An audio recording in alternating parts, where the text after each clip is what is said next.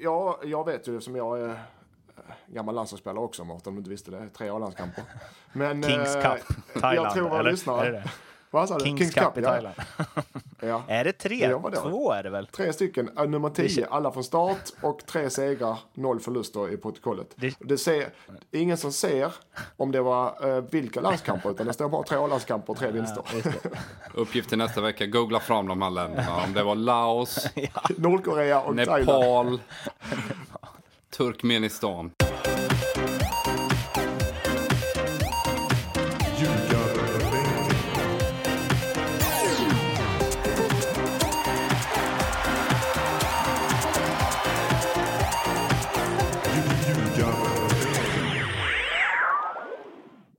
Ljugarbänken, Nordipets podcast om allsvenskan i fotboll och lite annan fotboll också är här avsnitt 56. Mårten Bergman heter jag. Eh, duon är återigen en trio efter att eh, eh, ja, Erik Edman fick ta ett steg åt sidan när Mattias Lindströms tvååker gick vidare till Svenska Cupens eh, gruppspel. Välkommen tillbaka Erik. Tack, känns eh, underbart att vara tillbaka och, och kunna bli rätt citerad här nu på eh, annat än sms. du hade lite invändningar där eller? I rest my case. Det är lite så att man bygger om så länge andemeningen är densamma. Det är ord från en erfaren journalist. Mattias Lindström, har ni, du gått till något Svenska cupen-gruppspel den senaste tiden? Mm, Där har jag ett. Det finns inte många fler vad jag vet. Eh, Men däremot så har vi haft en tuff vecka. Jag ska bara säga, vi sitter, eh, jag och Erik sitter i samma rum och det är i hans källare. Mm. Eh, Och den här gången har vi slagit upp ett halvt pingisbord som vi sitter och har som material, underlag för podden. Det är precis som de här co- coola innehållsbyråerna i Stockholm som alltid Ja, slänger in exakt. ett pingisbord istället för skrivbord. Exakt, men de gör det ju eh, Så att det- systematiskt. Vi, har, vi är så jäkla slacker och coola så vi bara slänger upp det. Känns också eh, väldigt, eh, väldigt ehm, så här i efterhand eh, vettigt att vi köpte en eh, eh, podcast-mick till dig och en till eh, Erik eftersom ni alltid sedan dess har suttit tillsammans. Eh, jag Vi tror, sitter och håller i handen också så vi känner en trygghet här. Ja, det är bra. Ja, eh, det är du som har gjort körschemat eh, Lindström och så ni kan ju gissa alla lyssnare vad som är överst. Jo, två åker update. Kör. Ja, eh, ja vi har... Det ska alltid vara överst och det är alltid överst. Så länge jag sätter körschemat, men det kan vi få rulla lite på. Efter cupbragden så har vi haft det tungt med mitt tvååker. Eh, framförallt i helgen hade vi förlust i derbyn mot Ullared. Vi förlorade med 1-0 i, eh, i helt enkelt en match där vi inte var... Jag ser oss själva som ett bättre lag än Ullared, men vi var inte där inställningsmässigt i första halvlek och då, eh, då vinner man inga matcher. Eh, som man säger i alla läger, i alla länder och i alla serier. Motivation slår klass och det gjorde verkligen den här matchen. Så en av de få matcher, eh, få stunder, så jag, så jag blev tränare som jag varit väldigt besviken på mina, mina spelare. Det var en sådan match. Blev det någon vi hårtork eller? Nej, jag körde mer den, eh, jag är inte arg, jag är besviken. Du körde som, vad heter det, eh, så här, tyst, eh, vad fan heter det, när man bara inte pratar med folk? Eh, det finns ju något Silent uttryck treatment. eh, exakt, silent treatment. Körde du det? Nej, det, det hjälper det blir inte bättre av det. Men jag sa, jag, jag, såklart jag, man är arg, men jag vet ju själv att och, jag, och, och det svor till lite i halvlek, men, men efter, det gäller att vara saklig. Även när man är besviken så gäller det att vara saklig efter matchen. Gjorde vi bra, gjorde vi dåligt, vad gör vi bra till nästa match? Men jag var besviken och det, och, och det vet de om. Det är inget konstigt än så ju. Men nu är det väl, eh, hur många matcher är det kvar? Sex matcher kvar och vi får behandla varje match som det vore en cupmatch. Eh, vi har 18 poäng att spela om. Vi har tre poäng upp till kval och fem poäng upp till direkt kvalificering, första plats. Det är mycket, Så det är klart att... eh, mycket, det är mycket klysch, om. det är mycket klyschor nu tycker jag. Ja, men i det Varje fallet, match är en cupmatch.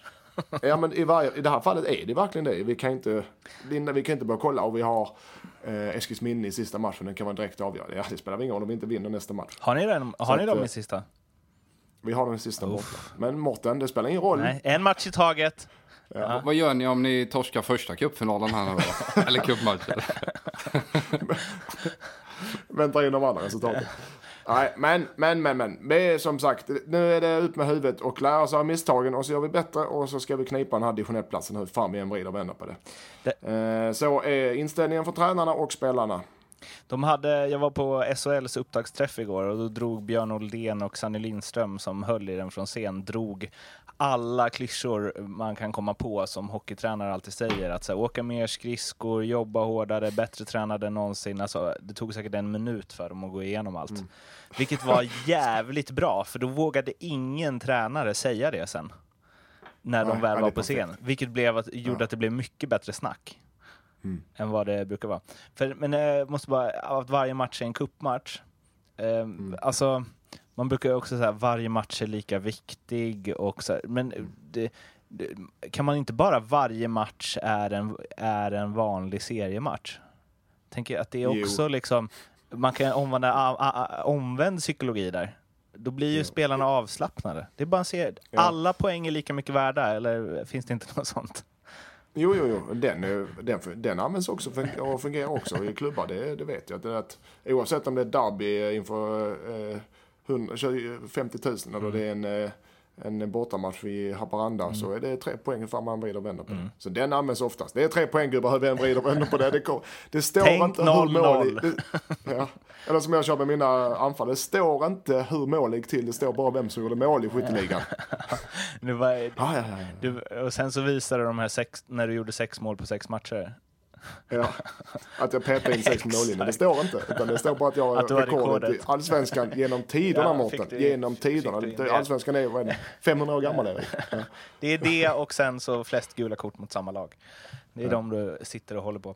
Jaha, eh, är någon ja. spelare som du vill eh, pusha lite extra för eh, en dag som denna? Ja, det har jag faktiskt inte. Jag tänkte göra det, men vi tar den, vi sparar den eftersom mm vi har andra grejer att avverka än tvååker. Eh, så att ni blir nöjda, ni, du och Erik. Men vi, däremot har jag U21-landslaget har ju samlats i Falkenberg och mötte Cypern häromdagen och vann igår och vann med 4-1 ju. Mm. Och då ringde Rolle Nilsson eh, för ett tag sedan och frågade, för någon, några dagar sedan, frågade om jag har några, någon spelare till honom som kan fylla ut på träningen för de ska ha taktisk träning. 11 mot 11. Och det hade jag såklart. Eh, han sa det får gärna vara i samma ålder. Så jag skickade en 18-åring mittback som heter Anton Nilsson. Så han fick vara med och träna med Isak och Carlos Strandberg och Engvall och allt vad det är. Hans idol helt enkelt. Hur skötte han sig? Enligt han själv, jag har inte pratat med Rolle, enligt han själv så gick det bra, men han var fortfarande sämsta. Okay. Och eh, ja, men han var nöjd, men han sa att ja, jag var, jag var sämsta. Men det är inte så jäkla konstigt. Eh, man kollar på vad det är för spelare de har. Eh, men han var jättenöjd och han tyckte det var jätteroligt att få mäta sig med de bästa i Sverige. Um, så det var kul. Kul för två åker för att spela med U21-landslaget. Real Madrid ena veckan, U21-landslaget andra veckan. Jag trodde mm. Rolla ringde och frågade om du hade några kalsonger som man kunde hänga upp framför TV. ja, den historien. Den blir aldrig gammal. Där kan ni... Inte Rolle heller på den delen. Ni kan lyssna tillbaka på tidigare avsnitt, eh, ni som inte mm. vet vad vi syftar på det, så U21-landslaget nu, landslaget nästa, två åker spelarna på frammarsch. Och om vi hoppar till det vuxna landslaget då, eh, som eh, fiasko, praktfiasko borta mot eh, Bulgarien, 3-2 torsk, följdes upp med enkel seger mot eh, vitryssen. Vad blev det där? 4-0 va? 4-0. Mm. Uh, ja, vi lämnar väl över till den av oss som har spelat flest landskamper, uh, Erik. Take it away. Ja. Tack Mårten. Eh, nah, fiasko, det är ju ingen lätt match. De har ju gjort en del bra resultat där nere i Sofia, Bulgarien. Så att, fiasko vet jag inte, men det är klart att det finns ju mer att önska, särskilt med de resultaten som har varit här eh, hittills i kvalet. Så det är klart det är en missräkning, eh, ordentlig missräkning också. Den här poängen som man ändå hade där när det står 2-2 hade ju varit guld värd nu med facit i hand. För vinner vi nu då tämligen enkelt mot eh, Luxemburg och sen så slår ju eh, Holland, eh, Bulgarien, nej Vitryssland förlåt. Mm. Så blir det en målskillnadsaffär sista matchen förmodligen här. Så det är klart att det känns ju riktigt surt här. Vad blir det? det läste något om att det är så här två, jag är väldigt inte intresserad av landslaget förrän det blir mästerskap, men såg något om att de kan torska med två mål borta mot Holland.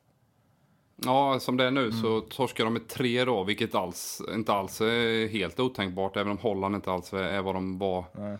för ett par år sedan så, så kan man ju med ett tappat momentum och de har lite vind i seglen hemma där så, så 3-0 är ju absolut eh, tyvärr möjligt liksom. Eh, så att en pinne där hade varit helt fantastiskt, eh, men nu tog man inte det och jag tycker väl lite man får skylla sig själv här. Man, man eh, spelar väldigt mycket runt, eh, som man brukar säga, som en U-form på sitt, sitt eh, bollinnehav. Kommer sällan in bakom deras linjer eller mellan deras lagdelar och, och mellan spelare heller. Och när man tappar bollen så var man ja, sårbara då. Pratar lite om det, eller vi snackar om det lite i den här Nordic Bet-bloggen här att eh, dålig offensiv positionering gjorde att man defensivt var väldigt sårbara mot omställningar då va. Så att, eh, Man, var- man kände sig, man var utspridda.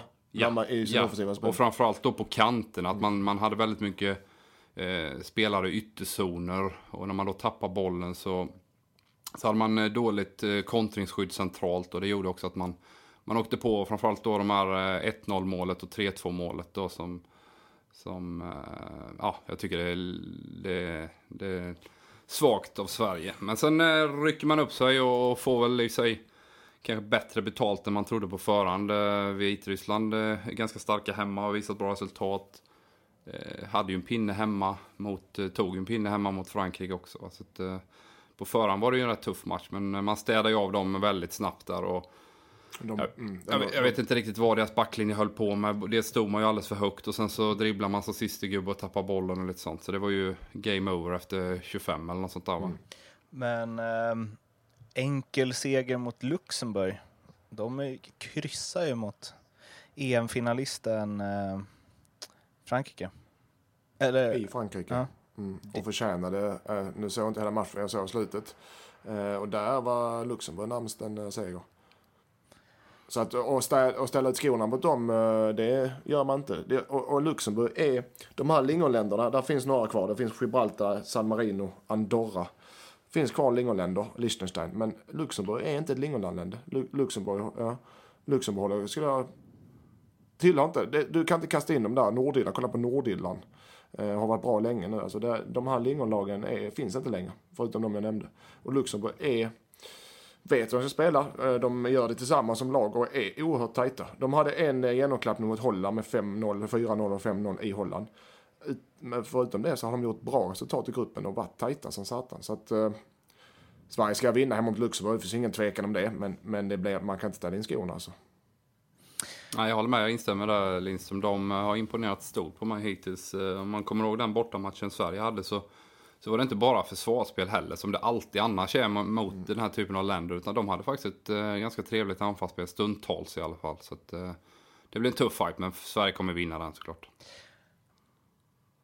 Åh, Okej, ja, jag tror ju inte på jinx och sånt, men eh, om ni hör det här landslagsspelare, tänk Jinx. inte så klart. Det, de Utan- eh, sitter och lyssnar på det här Gå in på, eh, och, på ljugarbänken. och gör, det är allihopa. klart de gör. Mm. Eh, En, eh, Jinx. kommer vi ihåg, eh, nu har jag glömt vad han heter bara för det, Eggson Binaku. När vi pratade om honom Lindström. Mm. Att jag inte visste vem det var och inte du heller. Och han var ändå uttagen Ja. i U21-landslaget. Det var ju så här, ja, följer ändå allsvenskan, borde haft koll på. Mm. Ehm, på tal om eh, det du sa Erik, att Holland inte är vad de en gång var. Jag är ju halvintresserad av internationell fotboll. Ser någon Premier League-match då och då, lite Champions League och så vidare. Jag kollade in eh, Hollands trupp nu till senaste landskampen. Jag, 11 av 22 spelare har jag aldrig hört talas om. Jag tänkte säga att jag inte skulle kunna pricka in vilken klubb de spelar i. Men det kan jag ju. Det är bara PSV, chansa på PSV, Feyenoord eller Ajax så har man i alla fall 7 av 11 rätt där. Men det är ju inte vad det var. Ens, alltså, ens i närheten.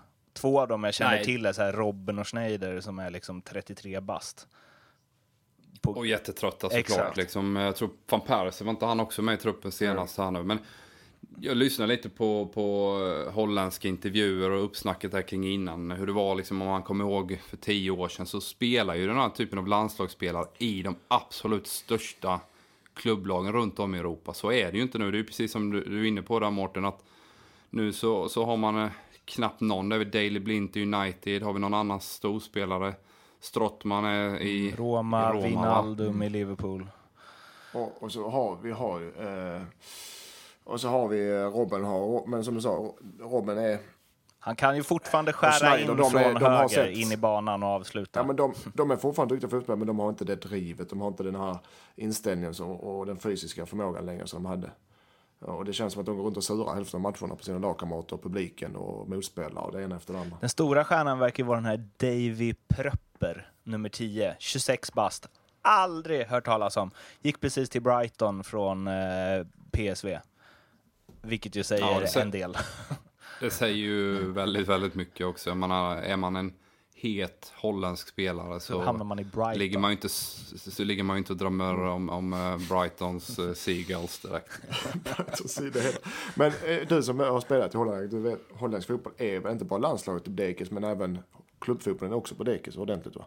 Ja, men definitivt. Det, är, det, är sånt, eh, det var kanske skiktat innan, eller det var ju väldigt skiktat innan kring löner och sånt. Men om man tittar de här eh, subtopplagen och under, om man säger nummer 6 ner till 12-13 i, i serien, så det är helt andra löner idag än vad det var för 15 år sedan. Eh, ehm, alltså man kan inte betala speciellt mycket mer än vad storklubbar i Sverige kan göra egentligen då på, på bra namn också. Va? Så det finns ju en anledning till att olika svenska spelare som är där eh, faktiskt vänder hem till allsvenskan istället då liksom. Så att, eh, Men finns det inte, no- de har det tufft. finns det inte någonting också, för jag kan tycka att det är lite skönt, för det var ju ett tag där, där det var så här, hur kan Sverige få fram så få spelare när Holland får fram så många världsstjärnor? Det skiljer inte så mycket i befolkning och hej och hå.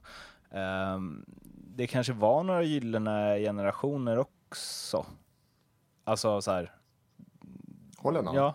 För det var ju de många bra ju- holländska spelare. Det var ju inte bara Ja. att man hade att man liksom kunde värva in andra med eh, löner, utan det var väl att ja, möjligtvis att de stannade lite längre mot vad de hade gjort annars. Mm. det- liksom. De, de hade ju, de var ju bra redan från, eh, från eh, Cruyffs tid. Men just med den här Ajax-modellen har väl skolat många spelare och även format många klubbar runt om i världen och Men det- utvecklat ungdomar. Men det som var... Men även med holländska mått, Mårten, så var det ju en exceptionell kull då när Ajax vann Champions League 1995. Va? Det var ju en helt sjuk medelålder då med Frank Rijkaard och, och Danny Blint som, som var gamla och sen resten var ju mer eller mindre kids. Liksom. Och, och det, den generationen körde man ju på i tio år i stort sett. Va? Sen har det kommit, ja, fyller på med lite van Bommel och, och och så kommer någon Robben och Snyder och, och de överraskade ju faktiskt stort nere i Brasilien när man går till semifinal. Så det laget var ju på förhand ganska nedlagstippat, men de gjorde en succé där nere. Och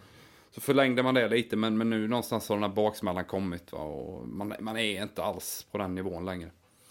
Eh, det sen, de hade ju också under de där åren, det kändes som att den som de... Den som vann skytteligan i Holland värvades alltid till en av de största klubbarna i Europa och vann typ skytteligan där också. Alltså så här van Nistelrooy-grejen, van Persie. Det var bara att lyfta in dem direkt i topplagen i Premier League så var de bäst även där. Liksom. Så känns det ju inte. Vem leder skytteligan i Holland? Eller vem vann förra året? Armenteros eller? Kom inte han typ trea? Nej. Ja, Jag vet inte om eh, han dansken vann där i. Feyenoords... Eh, Som ju gjorde färre mål i danska ligan än vad han gjorde i holländska. Det säger också Ja. någonting. Ja, det är ju lättare att göra mål i... i alltså för en svensk forward så är det ju lättare att komma ner till Holland och i, om man kommer då till ett hyfsat gäng så gör det ju... Ja, spelar du PS för Ajax så, så ska det ju jävligt mycket till att du inte petar in 20 om du står där framme liksom. Det blir ju mycket chanser va? Så det är svårare att göra mål i Sverige än i Holland, det tror jag Ja, definitivt. definitivt i Danmark som har ännu tajtare försvarsspel än i Sverige. Eh, Men sedan ska du ta plats i laget också. Am- Men eh, nog om det. Jag, vill, ja, jag vet ju som jag är eh, gammal landslagsspelare också Mårten, om du inte visste det. Tre A-landskamper. Men, Kings eh, Cup, Thailand. Jag tror våra eller? lyssnare... Det det? Vad sa du? Kings, Cup, i. Thailand. Ja. Är det tre? Ja, vadå? Två är det väl? Tre stycken, eh, nummer Det 10, kän- alla från start och tre segrar, noll förluster i protokollet. Det- Det, ser, ingen som ser om det var eh, vilka landskamper utan det står bara tre landskamper och tre vinster. Det. Uppgift till nästa vecka, googla fram de här länderna. Om det var Laos, Nordkorea och Thailand. Nepal, Turkmenistan. Ja. Oavsett. Du har tre, alltså. Eh, traktamentet skulle in. Men i varje fall, eh, Edman, eh, jag vill gärna höra, jag, eller jag vet, men jag tror gärna lyssnarna vill höra, kanske du också Mårten, hur sådana här landslagssamling ser ut i hårda drag. Som, som landslag varit nu på exempel. Jag dubbel- vet, säger du, som att du har spelat liksom... Nej. Ja, men det, jag har ju spelat i Ja, alla ja, landslag. som Det kanske finns. ser likadant ut när- inför liksom VM eh, åttondel som det gör inför Laos borta. Jag vill höra traktamentet för A-landslaget och vilka tider och vad det är för kockar med och eh, vem som bor med vem och sådana grejer. Och hur Zlatan är vill jag veta. Ja. Kom igen nu Emma, Erik, sjung ut. Yes, då kör vi traktamentet för det är väl det du är mest intresserad av Mårten att höra på. Eh, Jag tror det är betydligt mer än vad när jag spelar. Men jag för mig vi fick 25 000 per seger och sen var det någon, någon eh, kring, kring om du gick till ett slutspel så tickade in en, en, ehm, ja, en bonus på avancemang till slutspel. Sen är det ju klart eh, goda pengar när man väl kommer till ett slutspel om du är med i den slutgiltiga truppen då på 23 gubbar här, va. Och det ligger väl, eh, ja, någon, någon trevlig miljon kanske eller något sånt där. Skulle jag tippa på. Tänk det- hur många poäng har Sverige nu i gruppen? Vet du det? Och det var på min tid så jag tror definitivt inte det är sämre nu. Eh, Men, Eh, Lindström, vad fick du när ni slog Laos? ja, vi fick ju pengar från Laos. Vi fick ju pengar från Laos. eller, eh, eller vi gav våra pengar till Laos, så var det. Okej. Så det ska vara ganska brett. Sån Nej, tuk-tuk. eh, men jag vill, höra, jag vill också höra vad, alltså man får ju även pengar för vardagen som ett traktamente egentligen står för. Men det är väl, vad är det, 700 spänn om dagen i länder? Du menar obekväm arbetstid Ja, eller vad exakt. tror du säkert? Nej, jag tror inte det var Men något. hur, det, det är eh, faktiskt, bottom line så är det ju en ära att få vara med och någon Ja, jo, varumärkesbyggande för dig själv också om du är med i landslaget. Det är där det ligger till att börja med. Ja, också en miljon om man går till slutspel också. Det ska man inte glömma Erik. Men eh, hur ser det ut? Hur ser en typisk vecka ut för om det är match, eh, två matcher på en vecka som Sverige hade nu? Eh, ja, först landar man ju in och det första passet är ju väldigt lugnt. Alltid hemmaplan, alltid hemmaplan, även om det alltid Ja, nu, man nu, nu när man var, mötte Bulgarien så samlas man ju där nere va. Normalt sett så samlas man ju alltid hemma här och så åker man ner dagen innan match, kör ett kvällspass där nere. Eh, Enkelt matchförberedande då va. Så att, eh, och sen är det ju matchen ofta sent på kvällarna är det ju framåt 8-9. Mm. Ehm, Har man, ja. har man med sig, jag vet, att, jag vet att vi hade med HIF och jag vet att det är landslagen också, men om man är i Vitryssland, har man med sig en egen kock då och egen mat? Ja, det hade vi. vi hade, jag tror att det förbereds på förhand hur man, eh, hur man gör kring det. Om man tar med sig eget käk eller om eh, kocken då flyger ner några dagar innan och förbereder eh, hotellpersonalen då i köket där. Hur, hur, vi vill ha det så att säga. Liksom. Så att, um, det ska bli så svenskt som möjligt kring uh, alla bitar. Så att man har en igenkänningsfaktor där så att man känner sig så att säga trygg och och bara kan fokusera på, på det man ska göra, det vill säga spela. Liksom. Jag kommer ihåg, eh, nu kan jag, när, vi, när jag hade Hamrén i Danmark, i Ålborg, då, eh, när vi var på träningsläger och även när vi var ute i Europa och spelade på sådana här i Vitryssland till exempel, då, så stod han nere med kökspersonal och gjorde gröt, havregrynsgröt klockan sex på morgonen till oss för frukost. Det är stort alltså. Det är en coach, värd namnet. Det är en coach. Vi hade inte råd med egen kock. Eh, Men hur är det om, om, vi, om man är i Vitryssland och som man var ute och kikade lite på Minsk. Man spelar, eh, hur fungerar det med säkerhet och liknande? Är det bara stolpar runder i landslagskläder? Eller är det, har man någon vax som man kan säga till? Det är ju det är Janne Hammarbäck där som har varit med sedan eh, ja, 93, 90 92 tror jag han började. Så han har ju varit med otroligt länge och är ju ansvarig för säkerheten. Det är väl också en sån här grej man går igenom innan. Finns det riskfaktorer i olika länder och sådär. Och Sen brukar det ju vara en, eh, ja, ledarna vill ju gärna köra någon någon sightseeing och kanske trycka in någon frågesport där på någon kväll där när man äh, sitter och frågar hur många invånare det bor i Borisov och lite sånt där kul liksom. Så att, eh, det, Söderberg gillar ju sånt där och det är väl eh, någonstans lite allmänbildande faktiskt. Eh, även om man kanske där och då inte fullt fokuserad alltid. Det, det bästa jobbet någon har haft är väl Albeck eller? Åka ner och, och reka träningsläger och reka ma- äh, motståndare, äh, hålla hotell och äh, förutsättningar. Kolla så bubbelpoolen har rätt temperatur. ja. Kolla där wifi, okej då kör vi. Eh, Vi mötte, vi mötte, det, vi mötte Celtic borta i Champions League-kval med HF. Var du med då? Mm. Ja. Och- Kommer du ihåg var vi bodde någonstans? Ute på någon gård ute på, jag vet inte var, mitt ute i landet. Eller? och det, där finns nu för tiden Mårten, är det ju så eh, att var man än bor, hur man än bor, om maten är dålig, sängarna är dåliga, allt annat är dåligt, så måste det vara wifi. Det är det nummer ett som spelarna eh, eftersträvar, wifi. Är det inte wifi så kan du lägga bara skit att bo där, även om det är världens bästa hotell. Vi bodde i mitt, eh, när vi mötte, var i Glasgow tänkte vi det skulle vara kul att komma till Glasgow. Tänkte stanna kvar och gå ut lite efter matchen hit och dit men, och fira Champions League-avancemanget. Men vi bodde ute på en gård, som Erik sa, ute på en hästfarm utan wifi. Så att den, eh, det, var, det var ett mardrömsställe att bo på. Så nu för tiden är det så enkelt. Kort- Har du ingen wifi så är det kortspel mardröm. Och ingen 3G, du hade ingen täckning överhuvudtaget. Kortspel. Nej, skitjobbigt. Vi fick ju umgås med varandra hela tiden. Så gubben, nu ska vi in och spela på Celtic Park inför 40 000. Fy fan vad jobbigt det här. Det var ingen wifi alltså. Nu, nu ska jag, du ställer ju de snälla frågorna Lindström eftersom du sitter bredvid. Jag sitter ju på betryggande avstånd. Mellberg-Ljungberg-grejen, hur ofta händer sånt i ett land, eller hur ofta händer något som ens liksom går att jämföra med det i landslaget under tiden du var med som kameror inte snappade upp? Ingen gång alls skulle jag säga. För att, eh, du menar stängd träning och vi börjar bråka ungefär? Det var det du menar? Eller? Ja, alltså så här tjafsigt liksom på det sättet. Ja, nej, det är klart det finns tjafs någon gång då och då, men det är inga... Alltså den gången där i Japan, jag var ju där och, och, och såg det. Och det är klart att det fanns väl en irritation mellan dem eh, sen tidigare. Men för mig, alltså ibland är det liksom ett... eh, Att man ska liksom eh, grilla tillsammans och, och alltid umgås. Så det, det är ju liksom inget eh, likhetstecken med att man, man eh, vinner fotbollsmatcher. Det, någonstans ska man göra ett jobb. Det är ju bottom line så handlar det om att ut och prestera. Och, eh, jag tycker inte alla måste vara kompisar och sådär. Det är klart att det är väl bra om man tycker om varandra men det är liksom ingen grundförutsättning för att vinna fotbollsmatcher. Så att, eh, ja.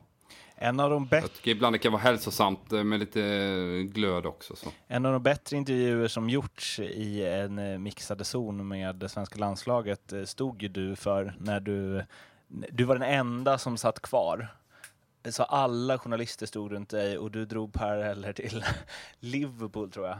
Att de hade varit ute och spelat golf. för det var, var det då Bellamy hade slagit någon med en golfklubba ute på krogen eh, dagen innan match. Och sen så slog de Barcelona tror jag. Eller något sånt där. Eh, och då hade, alltså du körde ju i tio minuter om att eh, bra stämning är otroligt överskattat. Ja, jag, vet, jag kommer inte ihåg det här, det här grejen alls Mårten. Men eh, jag tyckte väl först och främst att det var bara kul att någon ville snacka fotboll med henne. Eh, så jag, det var väl därför jag satt kvar antar jag. Eh, nej men vad fan, hallå. Det, det handlar om att, att göra ett jobb tillsammans och, och känna att man har en rollfördelning ute på planen. Och sen så, så är det klart att det, det finns ju väldigt många karaktärer med stort ego som, som är vana att liksom få sin vilja igenom. Någonstans ska man ju få ihop det där till ett landslag. Och det är klart att det kan, det kan liksom, det är inte alltid det kuggar i utanför planen, men så länge det ja, fungerar på så vad fan, kör liksom. Skit i det. Ska vi någonstans eh, mm, lite bara eh, en, ett mellanspel här på tal om att den här Pröpper gick till Brighton eh, och tydligen är Hollands nav på mittfältet. Eh, Viktor Gyökeres blev också klar för Brighton precis från eh, BP. Mm, Så okej. eh, han kanske hade tagit en plats där i eh, Hollands landslag. Eh, Intressant eh, kombination. Det, det kommer inte alls gå bra. Man kan ju inte spela en bra säsong i Superettan och sen gå till Premier League ju. Ja. Lycka till Viktor.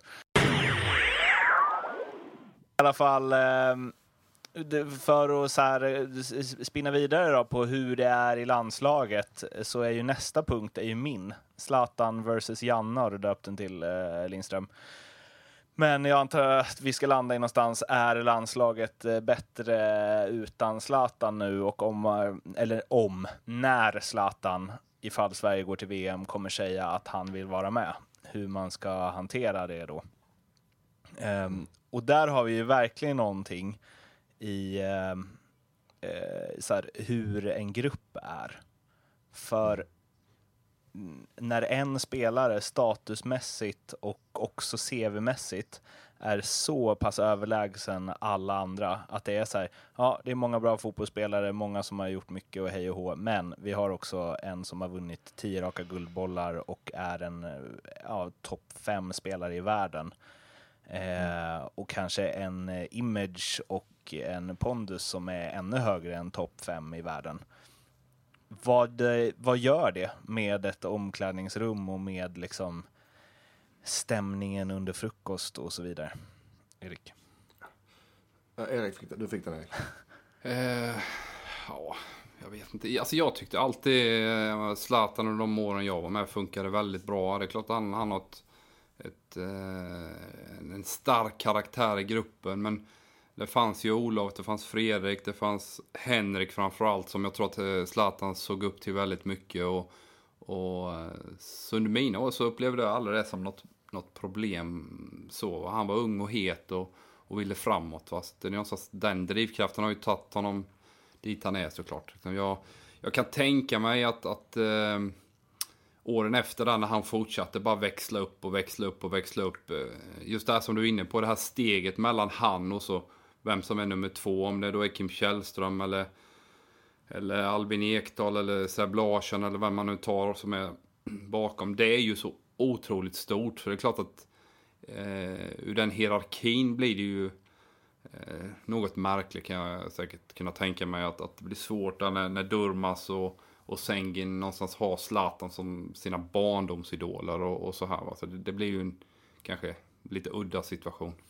Jag tror, jag tror, jag får bara flika in, jag tror, jag tror också att Zlatan, det, inga, det var inga större problem socialt så, utan de, folk håller sig lite för sig själva och umgås i, med de man tycker om. Eh, men jag tror kanske, eh, av egen erfarenhet, att det kan knyta sig på planen för vissa, för eftersom han är en sån stor förebild, som säger Sengin och, och eh, domar, så de att det, är, det är deras idoler, de vill visa honom så mycket hur duktiga de är, eller eh, de vill han ställer så höga krav så nu ska jag, att det knyter sig för sina medspelare. Den är, tror jag däremot mer på. Än att det, det blir någon sorts eh, social krock. Jag kommer ihåg det i plugget liksom när man var så här tio år så passade man den som var bäst för att man ville att den skulle tycka om en. Ja men lite, ja, men lite så hårdraget. Ja, lite så. Nu förstår jag att det kanske inte riktigt funkar så i proffsfotbollen, men att det ändå finns en, liksom, en gnutta av det. Att så här, när Zlatan skriker på bollen så får han den av någon som gör landslagsdebut. Känns det mm. som. Ja. ja, men lite så. Men också i hans, alltså jag menar, han har ju gått in i Juventus omklädningsrum, i Inters, i Milans, i Barcelonas var väl det enda där det inte riktigt, men att bara tagit en självklar roll och liksom blivit ledaren blir det ju i liksom ja, den hierarki som fotbollsomklädningsrum ändå är. Eh, alltså det måste ju... Det, det, eller det tycker jag man märker nu bara, att jobba kring landslaget. Det är mycket mer avslappnat. Mycket mer chill. Medan förut var det så här, Zlatan gillar inte media, alltså bjuder ingen till. För att det blev liksom, det la ju en stämning överallt. Och framförallt så tyckte jag att det var ganska tydligt på Erik Hamrén att eh, eh, att det var Zlatan Ibrahimovic som bestämde där. Eller? Ja, nej, det är du som journalist har bättre koll än oss där, Mårten. Eh. Men är inte det er uppfattning också så här, från att se det utifrån att Zlatan, alltså det känns till och med som att vissa spelare blev uttagna för att det passade Zlatan och för att han ville ha med dem. Eller? Jag tror inte, just ordagrant tror jag inte den spelare säger så, även om Eh, jag tror inte Hamrén, att eh, Zlatan eller Zlatans agent eller någon ringt Hamrén och sagt att han ska med och han ska med för att Zlatan trivs med dem. Utan eh, det, det, det är mest att man får dynamiken i gruppen blir bäst med ett visst antal spelare. Och när du har ett gäng spelare, säg fem, sex spelare som står vem ska vi ta med av de här? Eh, vilka två ska vi ta med av de här fem spelarna? För att de är likvärdiga fotbollsspelare. Ja, då tar vi med de som passar in bäst i gruppen. och då är såklart en sån som Zlatan i fokus. vem passar ja, alltså, ja, i slutet, vem passar bäst in med Zlatan om de är likvärdiga fotbollsspelare? Kan, jag säger inte att det är så, men det kan vara en, ett alternativ. Men jag tror inte att någon blir tvingad att ta ut, Erik har aldrig, han har aldrig han har ju tagit ut det laget han tycker bäst såklart. Men däremot... För grupp, både fotbollsmässigt och för gruppen. Mm. Men också att Zlatan var hans absolut närmsta ju. Måste det varit. bollat med. Ja, För att hela spelet, det är ju bara att se på vad Zlatan presterade under Hamrén kontra vad Ja, ja, under ja. Lagerbäck. Att spelet var ju. Mm. anpassat för att Zlatan skulle leverera. Liksom. så det, och Sverige är uppdelat i två läger. Landslaget är bättre eller sämre utan, med Zlatan och utan Mm, Zlatan? Okej, och där, det var ju min puck. Och jag, jag fattar inte, jag förstår inte hur det ens kan vara en diskussion. Alltså, eh, han gjorde 17 mål förra året i ett svin defensivt, tråkspelande, parkerar bussigt Manchester eh, United. Och vad har vi mer? Vi har någon i Al Ain, någon i Braunschweig, någon i vad gick Armenteros till nu? Benevento eller vad de heter. Eh, någon på bänken i Toulouse. Och sen så har vi eh, en spelare som gjorde 17 mål sin första Premier League-säsong på typ, hur många matcher han spelar? 28. Och tog sitt lag till Europa League-final och spelar varje vecka med spelare som Lukaku och Pogba. Och så, alltså, hur kan det ens vara en, Vill Zlatan vara med i ett eventuellt VM så är 100% att han ska vara med. Hur, hur kan det ens Ja. vara en diskussion?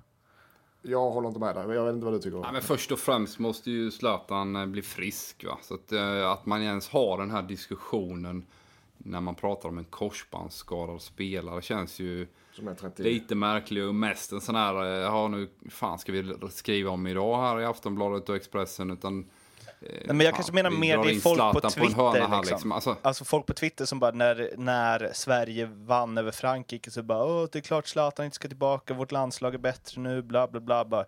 Det är klart att om jag får välja en anfallare som jag ska ha i Sveriges trupp till VM nästa år och får välja mellan Totte Nyman och Zlatan Ibrahimovic.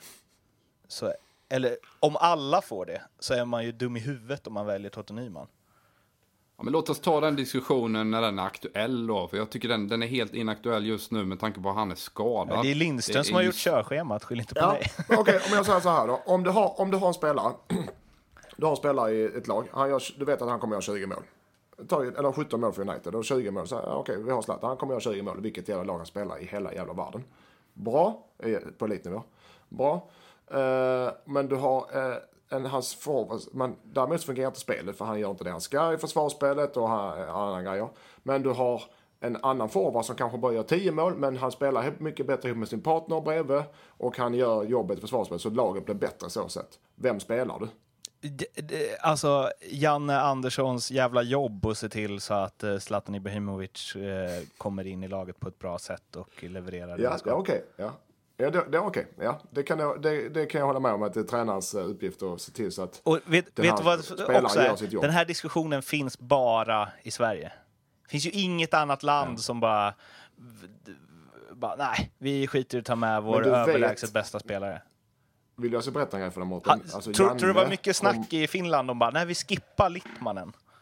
Ja, men det, ska jag berätta en grej? Om det är så att Erik har rätt. Finland, Mårten, helt ärligt. Alltså det är ju... Ja, de har ju varit så risiga de senaste Sen Littmannen 20 slut- sen 20 Littmannen åren, slutade.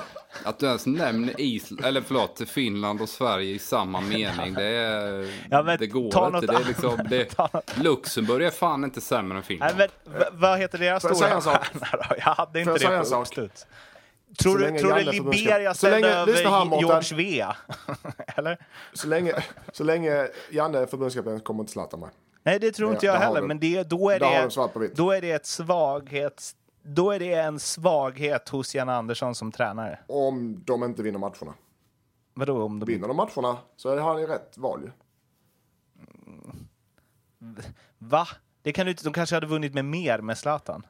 Nej, så, ja, ja, men det, ja, ja, ja nu, nu börjar vi, nu börjar vi eh, flippa ut där. Men jag, Nej, jag fattar, jag förstår inte det. Du har en spelare som liksom kommer i toppen av skytteligan i Premier League och den näst bästa anfallaren sitter på bänken i Toulouse. Ja, men först och främst, börja här då. Korsbandsskadad, han ska tillbaka. Sen är det nummer två. Han har ju först och främst har han ju tackat nej till landslaget, så då får man ju ringa och övertala honom. Så det är två puckar som ganska viktiga att lösa innan vi ställer honom på planen, eller hur? Men jag tror, nu känner som att jag behöver ens påpeka det, nu känner inte jag Zlatan.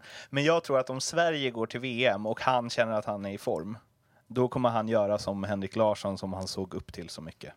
Och ringa och Då tar vi bara- den diskussionen lagom till maj 2018. Okej. Ja. Ehm, När vi sitter i Ryssland och poddar.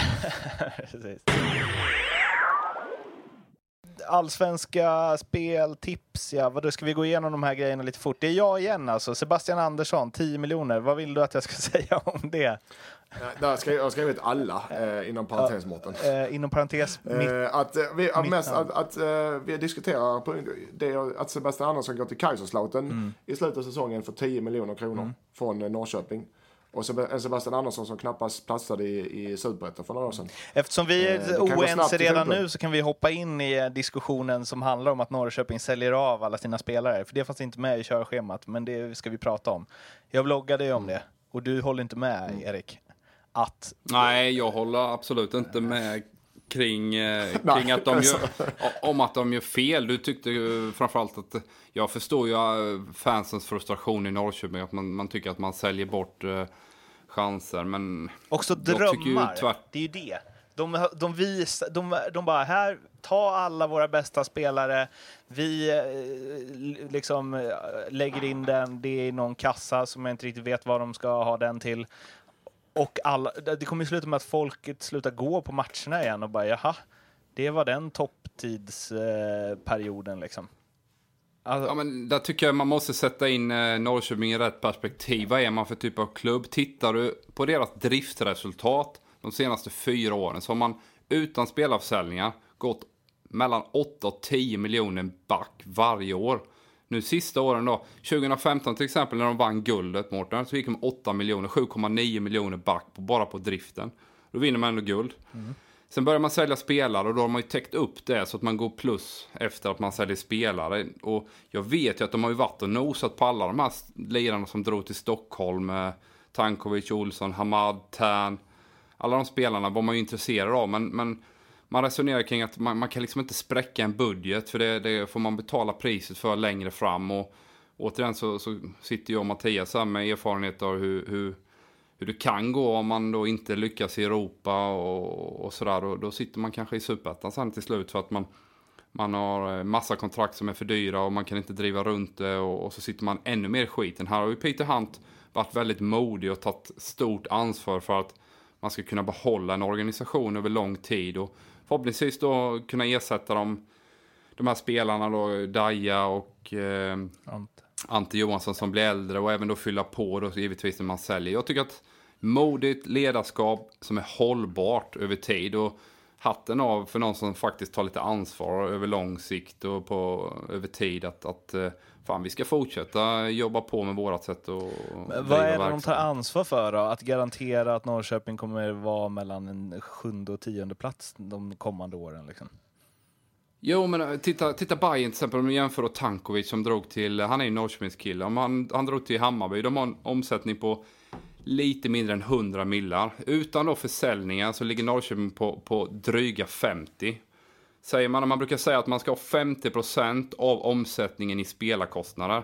Bara där har du en spelarbudget som är dubbelt så stor jämfört med Norrköpings. Då, va? Och det, då kan du inte vara med och tävla utan att få betala priset längre fram om 3-4 år. Och då, då sitter du i en sån riktig risig situation där du måste av, eh, skicka liksom, tränare på ungdomssidan, skära ner överallt på marknad och, och, och någonstans så, så alla spelare som, som är något att ha, de får man bara kränga iväg till höger och vänster. Jag tycker tvärtom. Han, han vill fortsätta bygga den här organisationen de har byggt upp. Sen kommer det ta många år och Norrköping är inget etablerat topplag. Man vann guld 2015 men man är inget etablerat topplag som kan vara med och kriga varje år.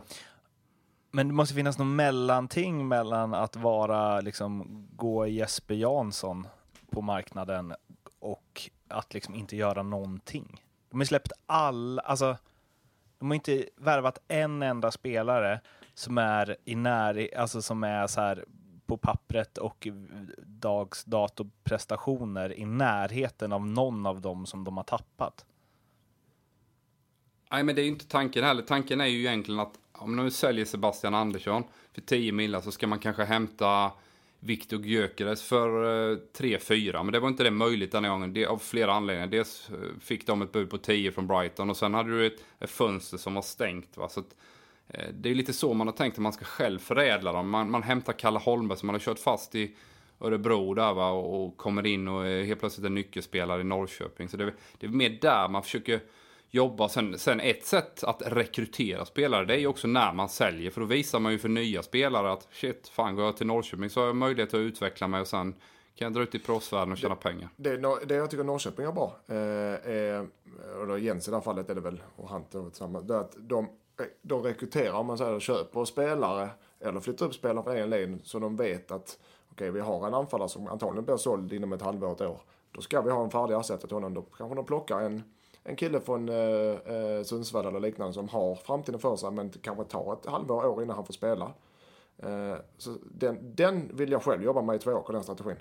Och yngre spelare för den också. Okej, okay, han kanske inte är bäst i, i, i juniorerna i U-laget, men han är en spelare eh, som, han är innermittfältare och vi behöver innermittfältare för de kommer bli sålda allihopa. Men de kan ju jobba så, så länge det är så här, ja, de släpper eh, Kujovic och de har redan tagit in Sebastian Andersson och det har liksom visat sig funka och så vidare. Men nu när de släpper alla i eh, liksom med sån väldig fart och också så här en minut innan fönstret stänger och sen så tar de in sådana spelare som, mm, visst det finns potential i liksom Jakobsen och eh, Moberg Karlsson och så vidare, men man kan ju inte hela tiden förlita sig på att alla ska ha, slå igenom och få en sån utväxling som Sebastian Andersson, Kalle Holmberg, Niklas Eliasson eh, fått varje gång. Liksom.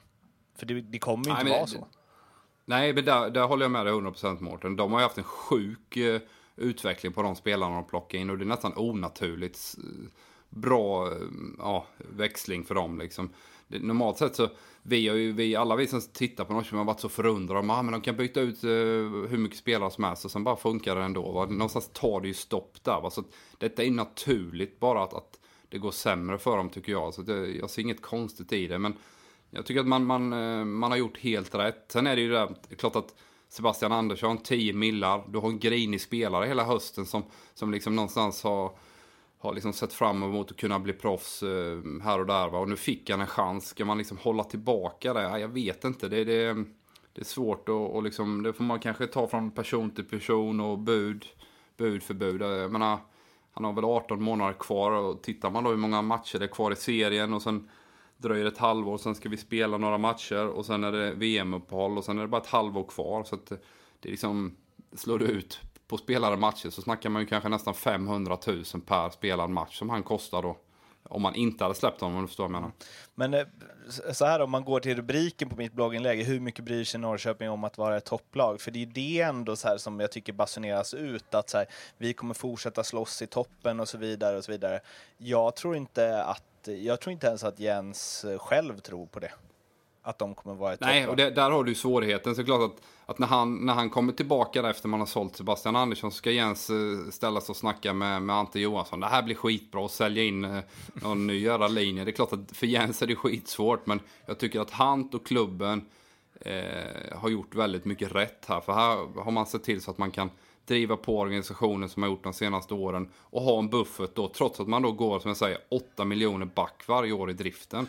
Eh, Men då kanske man också får säga till, då kanske man också får vara ärlig med att ah, vi, vår ambition är liksom att i bästa fall nosa på en Europaplats. För att när man säljer av hela den raddan spelare som har lämnat, liksom, vad är det, Nyman, Kujovic, Trautasson, Fransson, Tecke, Telo Eliasson, Barkrot och så vidare och nu Sebastian Andersson. Det blir ju inte trovärdigt att då säga att vi ska fortsätta vara topplag som utmanar Malmö och AIK. För det, och du sa ju själv liksom med omsättning så, det är ju inte, det är ju inte rimligt liksom. Det blir, Nej, och det är det, det som blir så konstigt att de så här, trycker på det och allt de gör visar något annat. Ja, nej men då, då, jag håller med där Mårten där, för att jag tycker att de ska gå ut och säga att vi kan, vi siktar på Europa, men det är tufft eller något liknande, vi har kapaciteten i Europa, men de är medvetna. Jag tycker de ska lägga målsättningen där, för jag tycker inte de ska lägga målsättningen hö högre, för de kan inte konkurrera med Malmö, kan ingen i Sverige, ska sägas. Malmö, det vi har snackat om eh, med, för fjol, eller innan, att Malmö har stuckit iväg i svensk fotboll, det har de, de kan vara vad fan de vill eh, och kommer fortsätta med det. Du har AIK som äh, har är AIK. Du har Djurgården med deras spelarlöner. Det är, ingen, det är bara Malmö. Alltså du har Kim och eh, Jonas och Isak och de tjänar ju mer än hela jävla Norrköping gör tillsammans. Så du kan inte konkurrera med de lagen. Det är fan helt jävla omöjligt för Norrköping. Därför ska man inte lägga taket där heller. Mm. tycker jag. Mm. Innocent i samtal med Persson. Eh, jag tyckte det var ett bra ämne för att där kan man få lite diskussion. Eh, att Det, det har Eh, saknat. Bonke, Bonke, Bonke Innocent. Eh, att han går in för hårt på och, och smäller på träningarna. Ja. Jag kan tänka mig att det rör sig om eh, possession-spel och kvad, eh, kvadrat och liknande. Hur funkar Eh, det där? Gör inte spelare det ibland, eller? Nej, väldigt sällan. Eh, skulle jag säga. Det är mer, mer, mindre sällan. Mer sällan säger man. Eh, att det smäller på träningen. Så, I varje fall, på, eh, varje fall de, innan jag slutade. För varje år så blev det snällare och snällare och snällare på träningen. Det var sällan bråk, det var sällan fula kapningar. Positivt på sitt sätt, för man ska inte gå in och skada spelare. Men det får inte bli att det slutade bli passivt. Nu vet jag inte om han gick in med dubbelsulor i kvadraten. Det är inte okej såklart. Men det får inte sluta med att man, en sån spelare som Innocent tar bort det han är bra på för han eh, blir passiv Vad har hänt med Stefan Schwarz, liksom, som du spelar, som du tränar, spelar du? Ja. Det, men just det, att, att det är bråk på träningarna och att det är fula tacklingar på träningarna, det är, händer inte lika ofta längre. Och det är i och för sig positivt, men, men hårda satsningar är lite skillnad. Generellt så, så säger man så att en träning ska bedrivas, alltså du ska träna på det som händer i match och det gäller ju lite det här med intensiteten också. Den måste ju vara upp eh, så nära man bara kan komma matchintensitet liksom. Och det, det är klart det finns eh, ingredienser av fult spel i, i match och det är klart att det måste finnas eh, eh, tuffa dueller i träning för att träna på det som händer i match. Eh, så att, eh, det är klart, eh, det finns ju, det, det är skillnad på tufft spel och fult spel skulle jag säga liksom. Eh, Men ibland blir ju tufft fult, för att det blir lite fel. Ja, Ja, och då är man ju över gränsen. Då är Ja, man men ju det, ja, inte om gränsen. det är omedvetet. Om du går in och du, och du ja, dubbelsular, men om du går in och tacklar och det blir fult för att du kommer lite sent, för du är sämre, din motståndare är snabbare helt enkelt. Då blir det ju fult spel. Men det är inte... Ah, Då, då är det tufft för mig. Fult är när du kommer med dubbelsula och bara Ja, det- ska skala någon Ja, okej, ja. Mm. Men det här måste de ju hålla koll på. Ja, och det tror jag. Om Persson tar honom för individuellt samtal och säger att han ska lugna sig på träningarna så är det väl, har han väl gått över gränsen hoppas jag. Så det inte, och det, så det inte är bara att han spelar fult.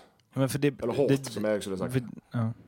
Men jag tänker så här, de har ju scoutat honom. De vet ju att han hade liksom, han blev väl varnad nästan varannan match i tippeligan. Jo, på matcherna, ja, men på träningarna. Och det beror på vilken träning. Har du en matchförebyggande träning eller taktisk träning dagen match.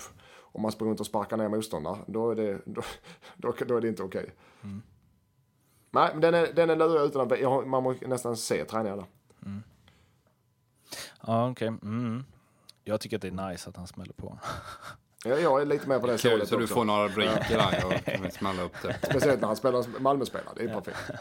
Uh, ja, på tal om att uh, Norrköping släpper personal då. Uh, Bäckström heter han va? Akademiansvarige. Mm. Klar för uh, Örebro som, ja vad blir han, ass till Kjell. Ja. Jag, jag tror att Edman får ta den här, för att det känns som en, en, en varvning Edman är eld och lågor över. Supervärvning. Bä- Bäckström menar du? Eller jag har ingen Ja. aning vem den här liraren är. Så att, eh, men men eh, det är klart att eh, Axel tycker jag ju, känner jag ju som en, ja, en väldigt kompetent person och fotbollssmart och duktig instruktör och sådär. Så att han har väl nog eh, scoutat den här Bäckström eh, innan och, och plockat in honom. Det är Med, väl han som ligger bakom samvete, alla Norrköpings, alltså alla talangerna som har kommit fram. Det är väl inte han som har spelat åt dem antar jag. Men, eh, Ja, han som har fostrat, eh, det är väl liksom Ja, den men det är klart att han, det, nej, men det är säkert en vik, viktig pusselbit för, för Norrköping som de tappar. här. Det är klart att får den här Bäckström en, chans då och kanske vara med i en A-lagsmiljö så är det någonting som stimulerar honom och utvecklar honom ännu mer. Så ett, eh, kul steg för honom såklart och, och jättekul att få jobba med Axel som är skitduktig. Där också. De bara släpper. Nej, jag skojar. Lyft upp. Sätt honom bredvid Jens istället. Eh, Där har vi ju förresten en som inte alls fått så mycket uppmärksamhet som han kanske förtjänar. Mattias Florén. Ja, den gamla Det räven. känns som att han ligger bakom ganska mycket kring det Norrköping har gjort senaste åren. Florén, jag har, han hör, du har rätt, men han ligger under radarn. Har du hört något däremot? Eller Erik?